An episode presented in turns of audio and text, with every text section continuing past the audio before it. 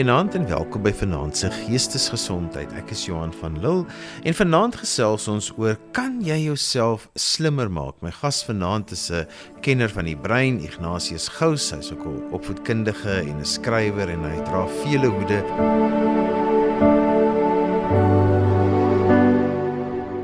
Ignatius, mense wil almal maar tog begaafd of hoogs begaafd wees.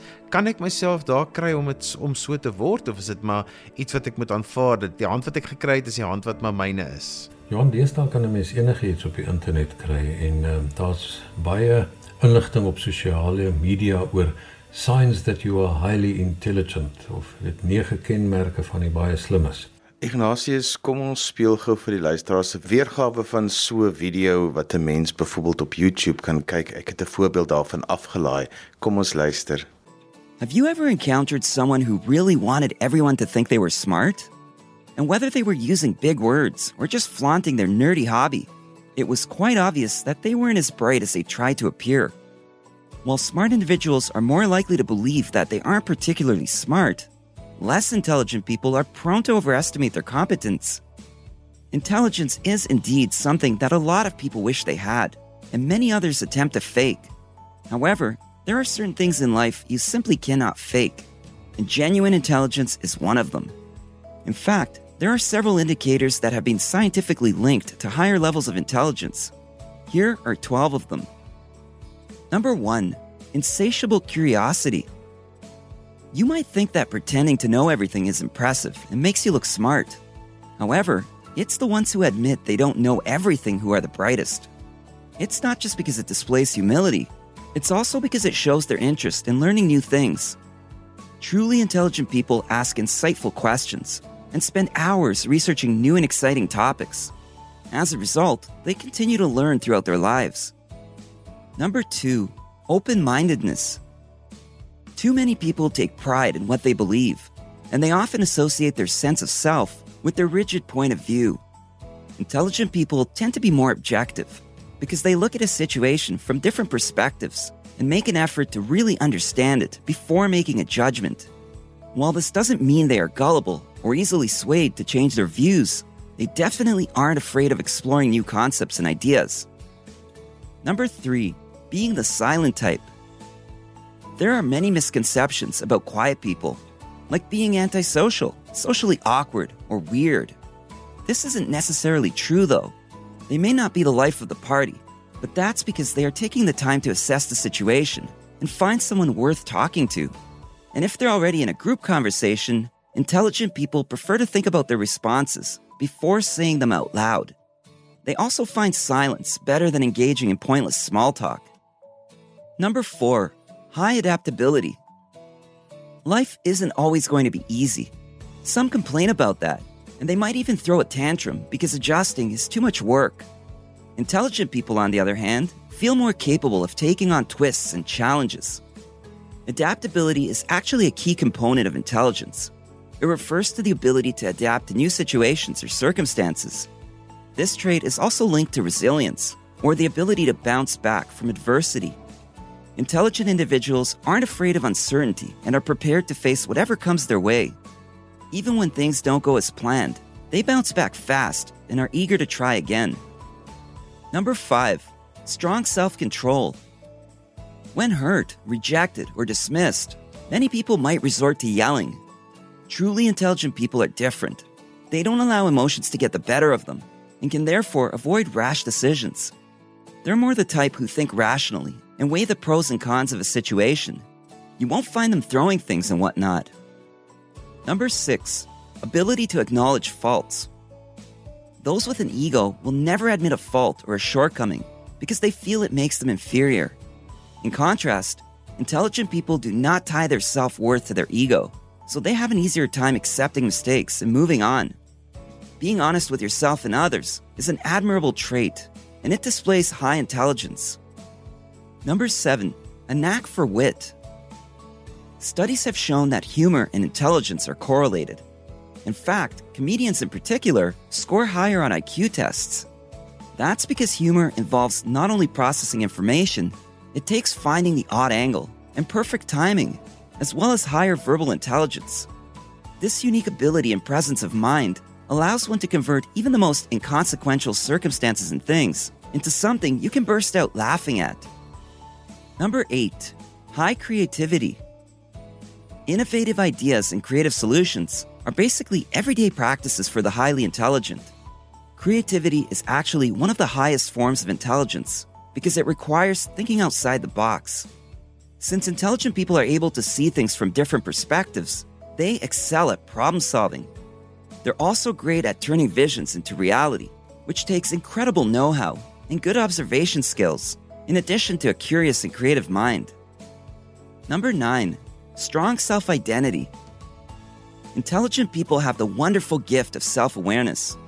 This means they are tapped into their psyche and know their likes and dislikes, goals and ambitions, strengths and weaknesses, and their values. This doesn't mean they think they're perfect, quite the opposite. They accept their insecurities instead of pretending they aren't there. However, their sense of self doesn't falter just because they have weaknesses. Intelligent people work on their weaknesses while developing their strengths. Number 10. Ability to maintain a variety of interests. Intelligent people don't limit themselves to doing one thing. They tend to have several projects they're working on. They might work a full time job while growing a side hustle, learning a foreign language, taking music lessons, or finishing all their wooden furniture. While many people like staying busy, these folks prefer to spend their time doing things that help them improve in some way. Number 11. Preference for solitude. Intelligent people need their time to recharge away from the world. This doesn't mean they hate people, it just means they like the space to reflect, brainstorm, and study past experiences to plan their next move. They understand that the more time they spend socializing, the less time they have for themselves and their ambitions. Of course, they do have friends and family they treasure, but they also need that alone time. Number 12, sensitivity to other people's feelings. Intelligence isn't only determined by a high IQ, emotional intelligence is just as important. It plays a significant role in the achievement of success, the quality of relationships, and overall happiness. A well developed EQ enables you to better deal with stress and to understand others and where they're coming from. Being sensitive to the feelings and emotions of people around you also allows you to respond in a way that is appropriate to their needs. Empathy is, in fact, one of the most prominent elements of emotional intelligence. In essence, there are many aspects to human intelligence, but there are certain characteristics and behavioral patterns that can be recognized in highly intelligent individuals. Which of these traits do you identify with the most? En dit was so 'n voorbeeld van 'n video wat uitwys wat is die kenmerke van intelligente mense. Ignatius, soos jy sê, 'n mens wonder wie sal nou juist na hierdie tipe van inligting luister. Miskien sal diegene wat voel dat hulle slim is, dit doen om te bevestig dat hulle wel slim is en so die een na die ander kan uh, afmerk en sê net maar ek is daarom wel een van daardie. Maar dan is daar ons ander wat sit en wonder, hm, is ek regtig kan ek in hierdie kategorie meeding en saam met hierdie mense kan ek by hulle byhou. Maar op die oomblik is daar egter wel sin vir almal om na hierdie te luister. In die eerste en baie goeie rede is die bekende bekende navorsing van professor Carol Dweck wat sy praat oor 'n fixed mindset versus 'n growth mindset. En sy vertel die nou reeds bekende ding dat in die vorige eeu eintlik nog maar tot so 20 jaar gelede het mense gedink jy word slim gebore of jy word gemiddeld gebore of jy word maar bietjie ondergemiddeld gebore. So dit is so in 'n silo of in 'n bamboes en die slimmes kan baie slim of minder slim wees en die gemiddeldes kan hoog gemiddeld en laag gemiddeld wees en die dommes kan baie dom of minder dom wees. Maar jy kan nie tussen die silo's of tussen die bamboese beweeg nie. Jy kan net op en af daar waar jy gebore is. So jy is vas uh dit wat jy by geboorte gekry het, is dit wat jy gekry het, dis die hand wat vir jou uitgedeel is en dit is die hoeveelheid kaarte wat jy in jou hand het. En die gevolg daarvan is dat as mense by 'n uitdaging kom, dan tree hulle op volgens hulle siening van hulle self. En dit is miskien iets wat 'n mens in elk geval vir jouself moet afvra. Beskou jy jouself as slim of gemiddeld of ondergemiddeld? En hoe het jy op skool en in sulke omstandighede op universiteit of in enige leeromstandigheid, hoe het jy op uitdagings en moeilike uh take en moeilike uh werkopdragte en sulke dinge gereageer? Het jy gevoel dat oek ehm um, ek is maar 'n bietjie hier in die C-klas, so hierdie somme is bo my vuurmaakplek. Ek gaan amper dit eintlik nie eers probeer nie. Ehm um, en op dat 'n mens op die manier opgee en dat uh die gevolge daarvan is ook dikwels dat as mense dus vir jou gesê het maar hier is die regte manier om dit te doen, dan beteken dit uh jy het gevoel maar oeg, hulle is besig om vir my ehm um, dinge te sê wat ek nie wil hoor nie. Ek is sommer vies en uh, mense is eintlik ook vies vir die ouens wat so lekker slim is wat so met gemak deur die lewe gaan terwyl ek moet sukkel. Dit is die fixed mindset. Toe kom hulle agter maar hulle was heeltemal verkeerd. Ehm um, die growth mindset sê dit gaan nie oor ingebore vermoë nie, maar dit gaan oor hoeveel aandag jy gee op effort Met ander woorde, dit die insette wat jy lewer. Dit sê dus met ander woorde dat jy kan enige iets bemeester as jy die regte hoeveelheid aandag en die regte soort aandag aan iets gee. En daarom beteken dit wanneer ek dus by iets kom waar ek mee sukkel, dan sukkel ek nie omdat ek nie die vermoë het nie. Dis omdat ek nog nie ehm uh, genoeg tyd en aandag hieraan gegee het om dit te verstaan nie. En dit beteken ook dat enige mens of jy nou tot dusver regtig suksesvol was en met ander woorde as slim geklassifiseer word en of jy as gemiddeld tot dusver gepresteer het dat jy dat almal eerstens gaan sukkel met iets nuuts maar dat almal dit kan bemeester as hulle die regte soort aandag en die regte hoeveelheid aandag daarin gee. Daarom is dit belangrik om te weet ehm um, dat 'n mens het die vermoë. Ons almal het genoeg vermoë om dit te doen wat ek wil doen en wat ek graag wil doen. Net interessant dat selfs met met die fixed mindset ehm um, uh, wat daar gebeur het as mense wat tot dusver suksesvol was en wat dus is dus as slim geklassifiseerd is as hulle met iets sukkel dat hulle dus baie keer sê maar sjoe ehm um, Ek is nie veronderstel om hiermee te sukkel nie want ek is mos slim, maar nou sukkel ek. So wat ek gaan doen is ek gaan dalk liewer dit nie doen nie want dan kan ek ten minste sê ek het dit nie reg gekry nie omdat ek dit nie gedoen het nie. As ek dit probeer het, sou ek dit gedoen het, maar ek het uh, nie tyd gehad nie of uh, ek uh, iets anders my aandag afgetrek. So hulle soek verskonings daarvoor dat hulle sukkel.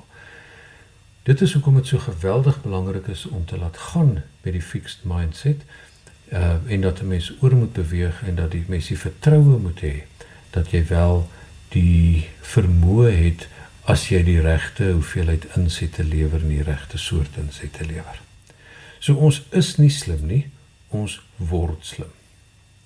En as 'n mens nou kyk na hierdie programme van die signs that you are highly intelligent, is dit dus nie mense wat gebore is met hierdie uh, kenmerke nie. Ehm um, en met ander woorde dat dit 'n fixed mindset is nie. Dit is kenmerke wat mense ontwikkel het oor jare heen. En as ons dus nou gaan doen wat mense eintlik kan noem reverse engineering, dat jy kan sê die slim mense het hierdie beteken dit 'n mens kan dit sien as kenmerke wat van mense wat bewys het dat hulle suksesvol in 'n velde is. Dit is dus eintlik meer 'n reeks tegnieke as kenmerke. En as sodanig is dit dus iets wat ons kan aanleer om ons ook vaardig in ons veld van keuse te maak en om vaardig daarin te raak. So kom ons kyk dus uh, na 'n aantal van wat hulle sê slim mense is en wat hulle doen en veral hoekom dit nuttig kan wees vir ons. En dan dink ons oor elkeen van hierdie dinge. Een van die eerstes wat ek wil noem is dat mense wat slim is of wat suksesvol is in dit wat hulle doen, is dikwels selfkrities. En mense dink nou goed as jy selfkrities is, dit is so 'n bietjie van 'n dermuitreigery dat jy weet jy heeltyd sit en wonder maar o, oh, is ek goed genoeg of maar dit is nie waaroor dit gaan nie. As 'n mens selfkrities is en 'n gesonde selfkritiek ehm um, besig, dan is dit mense wat weet hulle weet nie van uh hulle weet nie alles nie.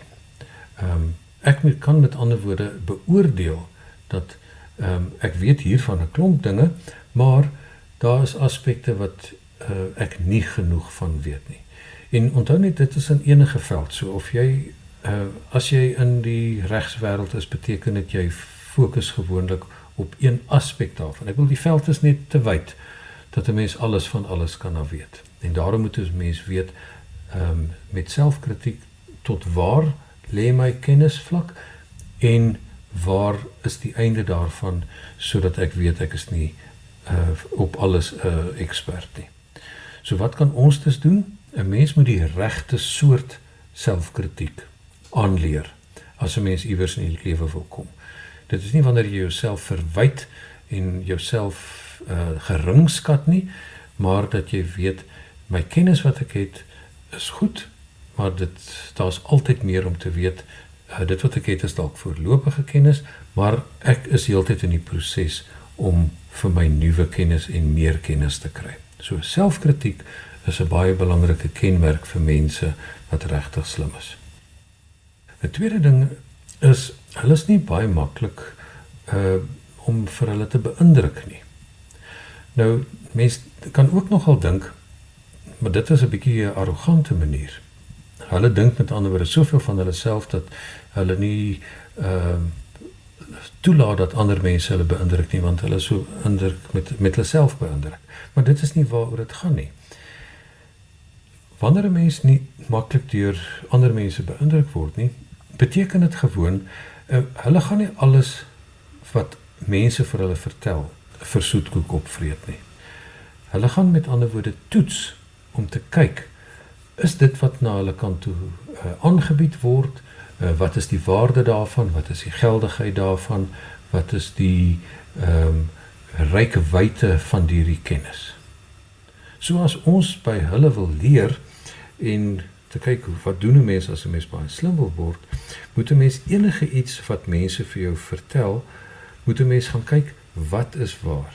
En nie wie is waar wie is belangrik nie want dikwels glo ons enige iets van iemand wat 'n mens dink uh, hy of sy weet baie van of wat bekend is. Maar dis nie noodwendig dat dit waar is nie. So mens moet gaan beoordeel en jy moet op die ou end gaan bou aan jou kennisstruktuur en kyk wat is daar binne uh wat ek het en dit wat na my toe aangebied word ehm um, is dit goed om hierby by my bestaande kennisstruktuur in te pas. 'n Volgende ding is dis interessant genoeg dat uh slim mense klein dingetjies vergeet.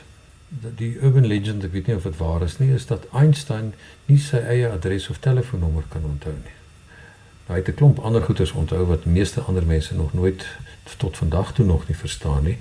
Maar hoekom is dit dan belangrik dat hy nie sy eie uh telefoonnommer en adres sou kon onthou nie? Die rede daarvoor is dat mense wat slim is, baie fokus op hulle veld van kundigheid. Hulle dink daaroor en hulle kop is heeltyd uh, besig daarmee.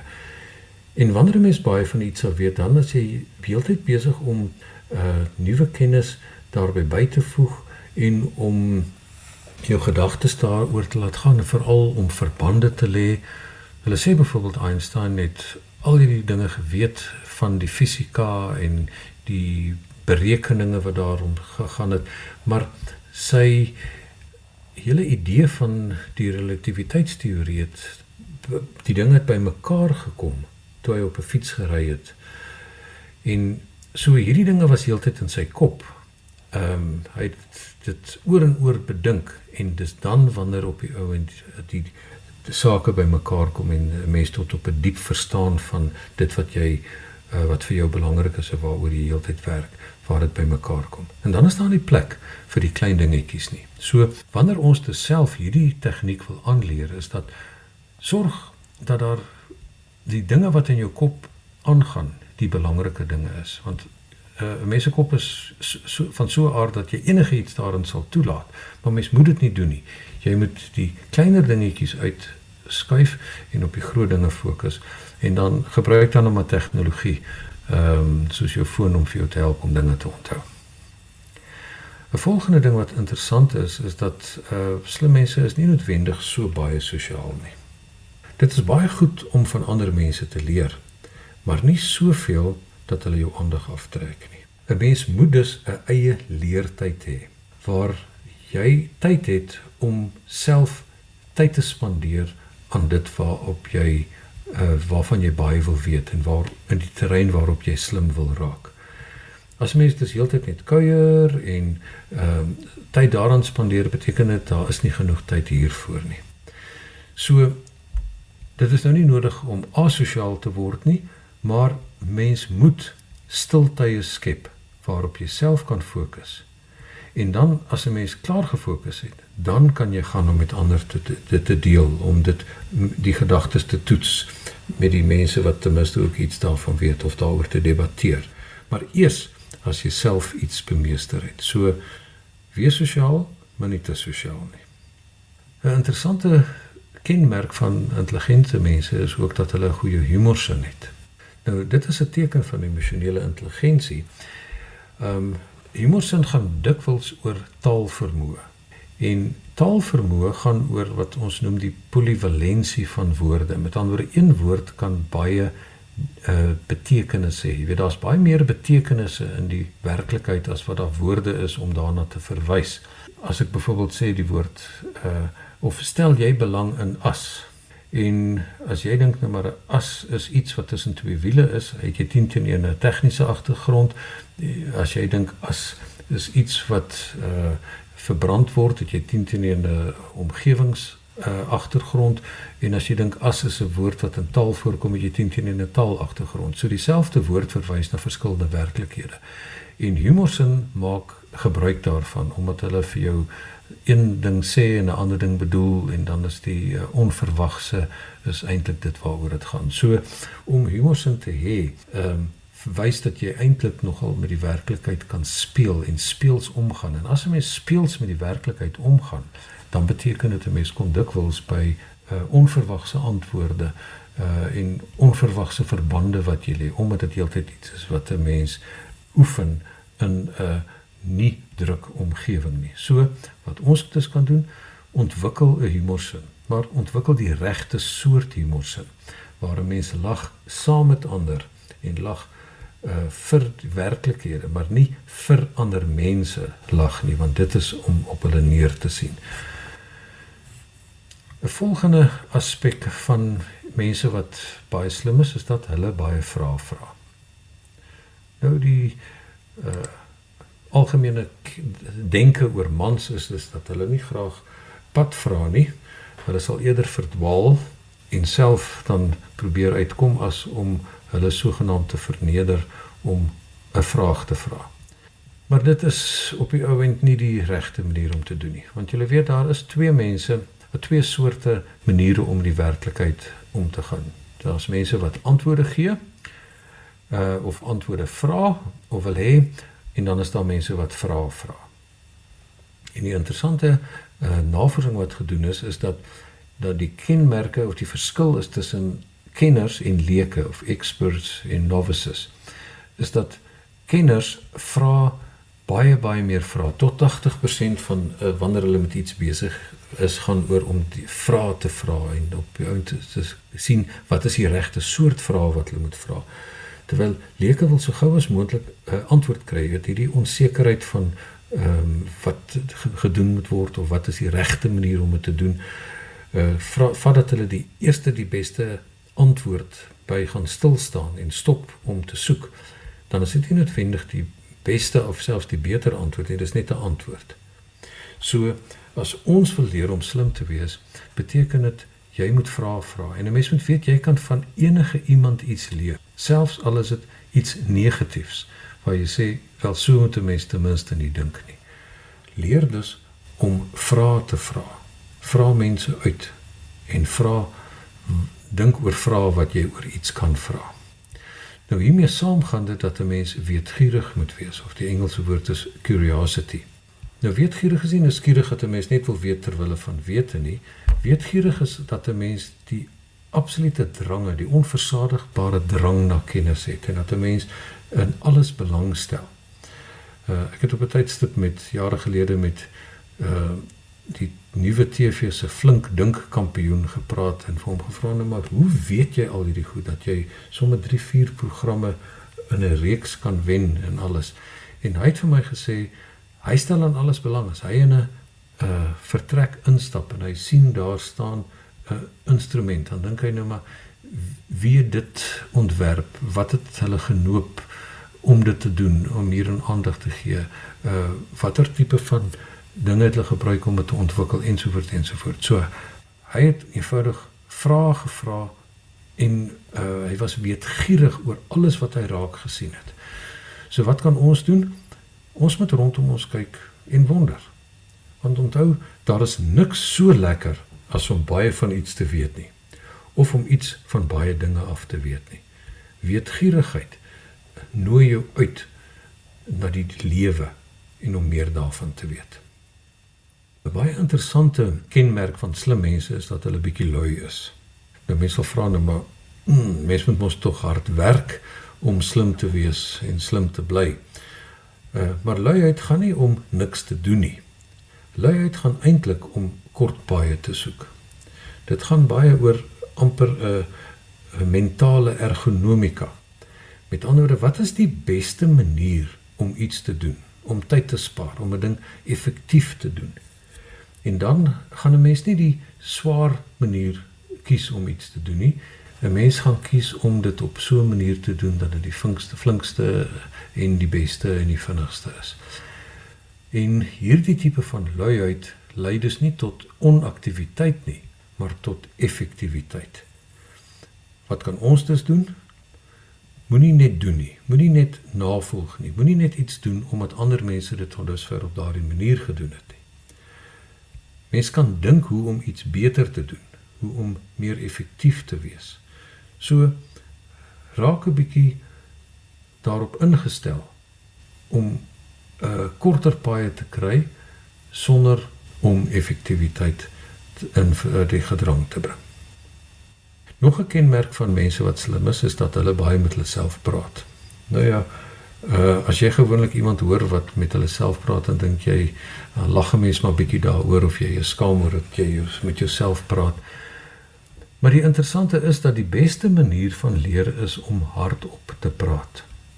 Van die dinge wat ek vir uh leerders, studente leer as hulle om te toets om te kyk wat hulle weet is om dit wat hulle weet of sopas geleer het te vertel hardop.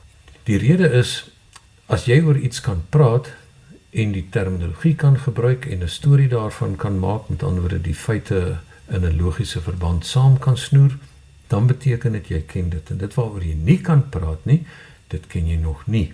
En die ander aspek daarvan is dat as jy jouself hoor, is dit dikwels 'n werklikheidstoets wat reg klink as jy dink klink dalk sleg as jy dit sê of as jy dit self hoor.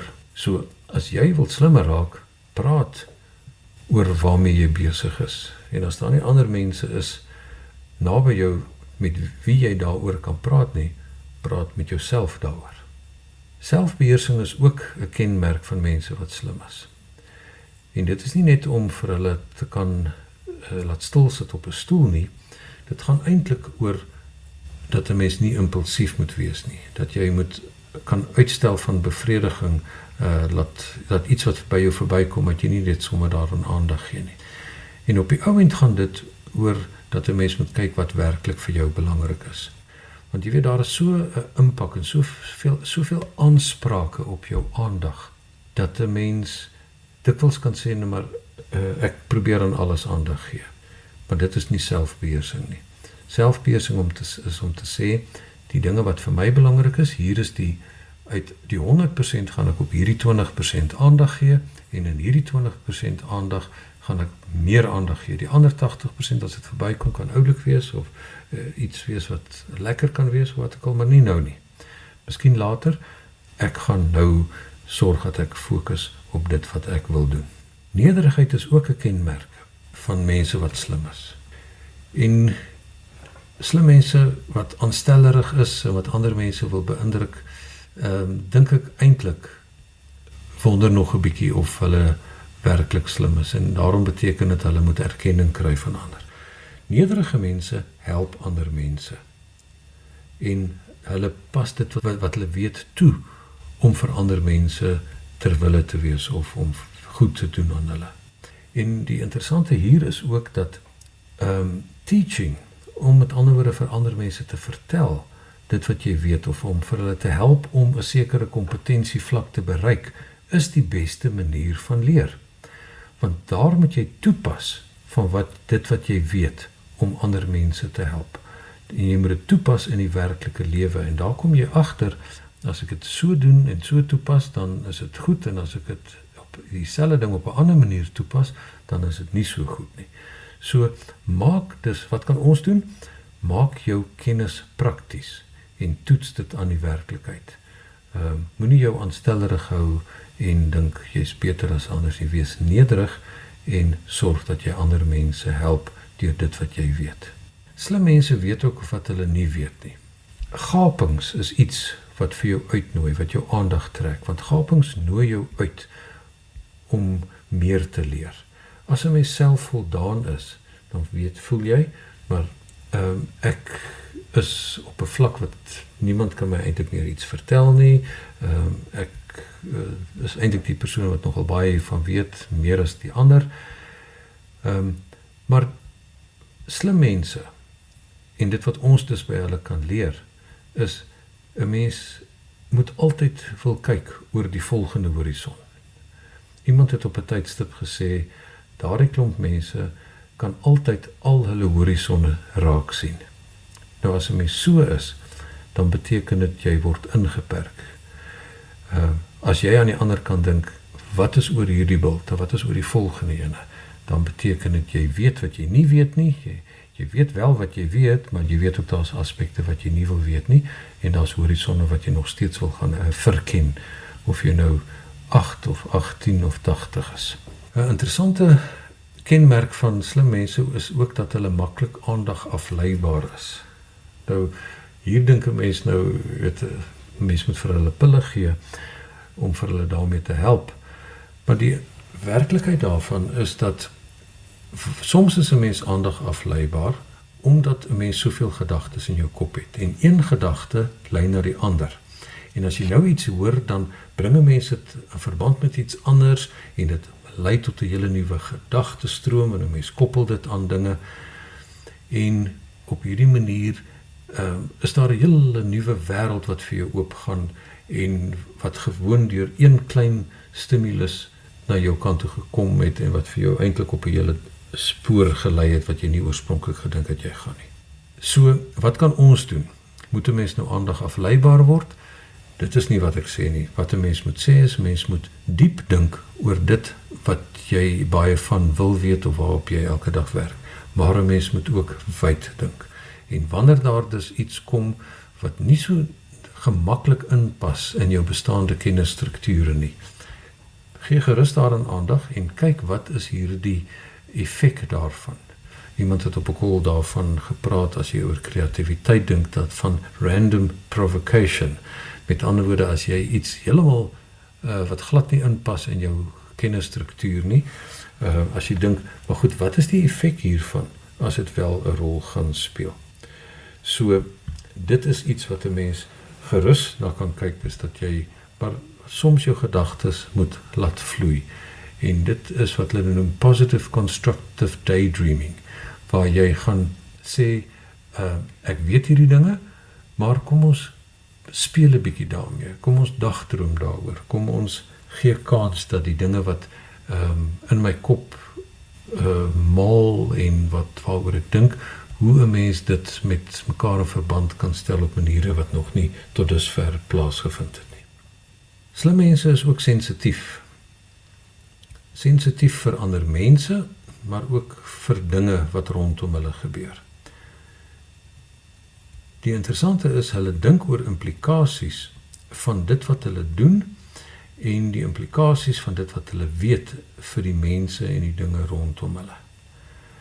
Ehm um, hulle weet met ander woorde dat ek kan dalk uh, baie dinge uitdink en ek kan baie dinge skep, maar ek moet ook oor die etiese implikasies daarvan dink. Is dit met ander woorde goed vir ander mense?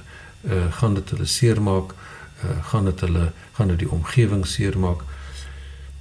So op die oomblik as 'n mens slim wil wees, moet jy sensitief wees. Jy moet oor implikasies dink. En as ons dus dit wil aanleer is die vraag wat 'n mens wil vra is, hoe kan 'n mens die wêreld 'n beter plek maak? Hoe kan ek dinge doen wat opbouend is en nie skadelik is nie? Ek dink so baie as 'n mens dink aan die dinge wat in ons land aangaan en al die skelmstreke en slimmighede wat mense uitdink om ander mense uit hulle uh swaar verdiende geld uit te kry of om die om die gelde wat in die wat gebruik moet word om die wêreld beter te maak wat hulle vir hulle self wil toeëien. As ek dink as al daardie denkkrag wat daarin ingaan gebruik kan word om iets positiefs te doen, hoeveel beter sou die wêreld nie gewees het nie. So denkkrag kan gebruik word um, en om baie dinge te vermag, maar 'n mens moet sensitief wees op dit wat ek uitdink. Doen dit vir 'n mens goed? Of doen dit vir 'n mens kwaad. Uitstel of procrastination is ook 'n kenmerk van slim mense. Nou jy dalk dink dalk maar dit kan ons nog glad nie wees nie. Wat slim mense is mos mense wat hardwerkend is en wat aan die gang kom. Hulle is nie uh, hulle stel nie uit om te gaan leer nie. Hulle gaan sit by die tafel en onmiddellik gaan hulle uh, aan die leer en kom hulle aan die gang. Terwyl ek sukkel, jy weet ek kan sit daar en ek dink aan 400 ander dinge en ek pak eers alles reg en staan op en stel uit. Hoekom uitstel soms 'n goeie ding is en 'n kenmerk is van slim mense of mense wat suksesvol is in dit wat hulle doen is dat hulle het soveel in gedagte. En omdat hulle soveel weet en soveel dinge met mekaar in verband kan trek en die implikasie daarvan kan sien is hulle dus nie tevrede met die eerste en die beste antwoord nie. Wanneer jy dus vir hulle sê om iets te doen, dan sal hulle eers daaroor nadink en ehm um, en hulle sal so fokus op die belangrike dinge aan die ander kant dat die kleiner dinge agterweë bly, want hulle kop is besig daar met die dinge wat werklik vir hulle vooruitbring of waarop hulle meer aandag moet spandeer. As ons dus wil leer hoe uitstel vir ons 'n positiewe ding kan wees, om vir ons slimmer te maak, dan moet ons dus kan leer prioritiseer. Mens moet dus fokus op die dinge wat regtig saak maak en 'n mens moet kan uitstel en laat gaan selfs of iemand anders vra om te doen die dinge wat ek nie op hierdie tydstip so wat so belangrik is dat ek dit nou moet doen nie. Dan is uitstel 'n positiewe ding uitstel is negatief wanneer dit tekenend is van dat ek voel ek het nie die vermoë om dit te doen nie. Maar selfs dan kan dit 'n positiewe ding wees dat as jy weet, ehm um, ek voel ek het nie die vermoë om dit te doen nie, beteken dit ek weet wat is die dinge waaraan ek moet aandag gee om nog 'n bietjie meer te gaan weet. Maar aan die ander kant is dit ook so dat 'n mens moet gaan doen en op grond dit van wat jy doen, gaan jy agterkom waaraan jy nog meer tyd en aandag moet spandeer. So stel uit, maar stel op so 'n manier uit dat dit jou vooruitbring. Slim mense hou ook van stilte. Ehm um, daar is altyd die vraag van uh, kan ek musiek speel terwyl ek leer of is watter soort musiek of watter soort agtergrond uh, kan ek doen om op die ou end werklik te kan aandag gee en om my te kan ingrawe op iets. Die navorsing wys dat 'n mens moet eintlik nie met enige musiek of sulke dinge leer nie. Uh dit is nie sodat jy dit nodig het nie. Op die ou end trek dit dikwels se mense aandag af. Want dit uh, maak aanspraak op dit waarop jy fokus.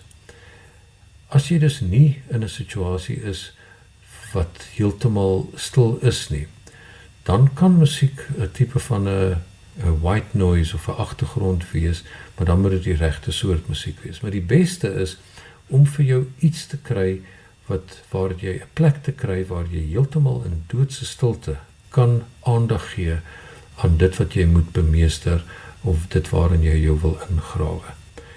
Ehm um, ek onthou toe ek op universiteit was en dit was maar in 'n raserige koshuis, het ek vir my van hierdie skietoorfone gekry en dit op my ore gesit om te sorg dat dit kan maskeer dit wat vir my aandag sou wou aftrek en wat ek dalk liewer sou wou gaan doen saam met die ander manne as wat ek sou wou geleer het.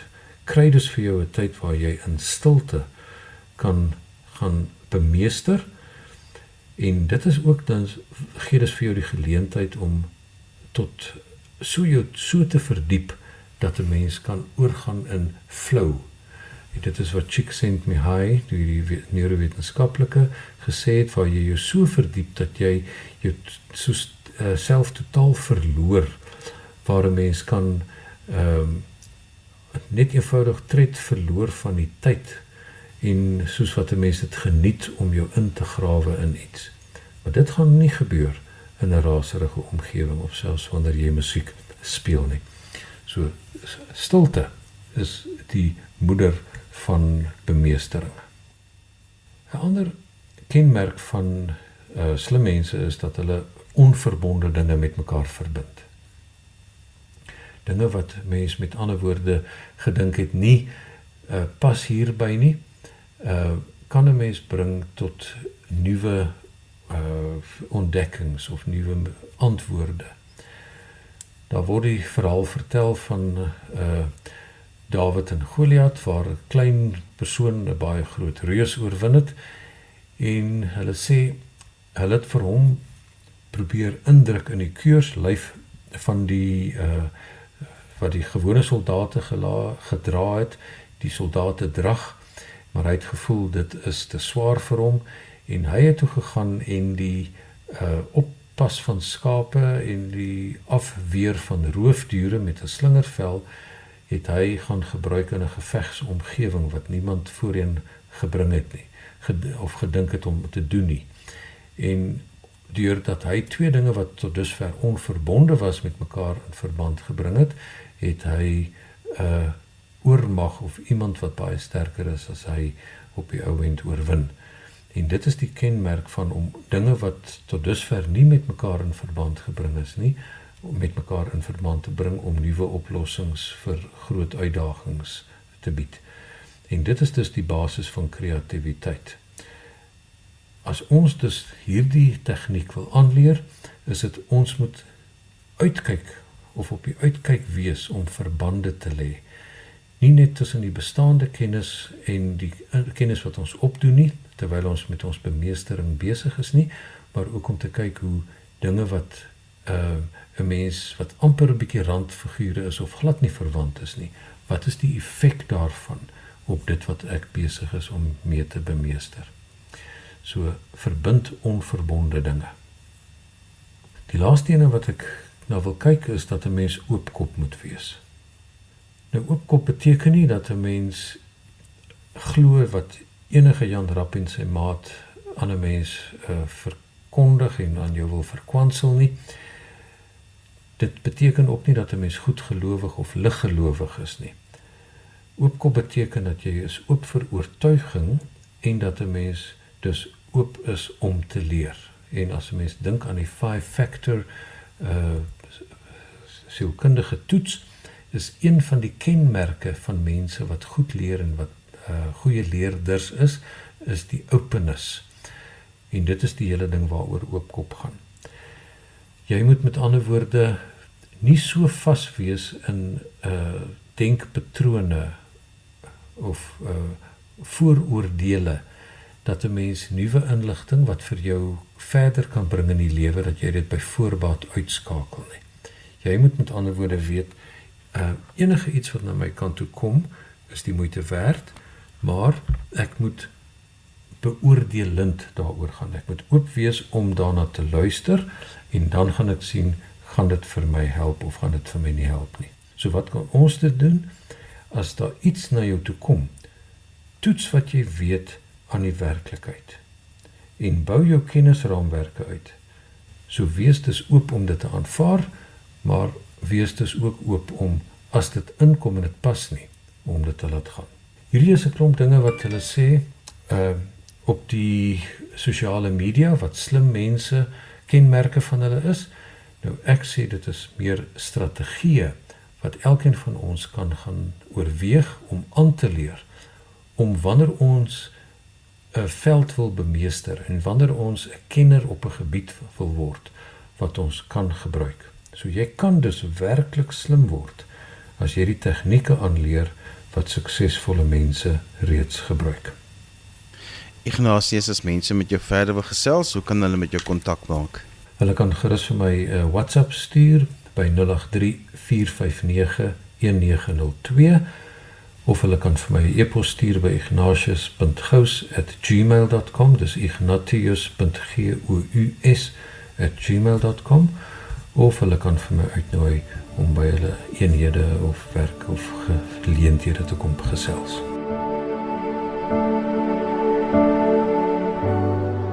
En daarmee ons gekom aan die einde van vanaand se geestesgesondheid. Onthou jy kan weer na vanaand se program luister as 'n potgooi. Laai dit af by resgep.co.za. Skryf gerus vir my 'n e-pos by Johanvanlull@gmail.com en onthou daai Johan het net een N. En daarmee groet ek dan vir vanaand. Kyk mooi na jouself. Tot volgende keer van my Johan van Lill. Totsiens. thank you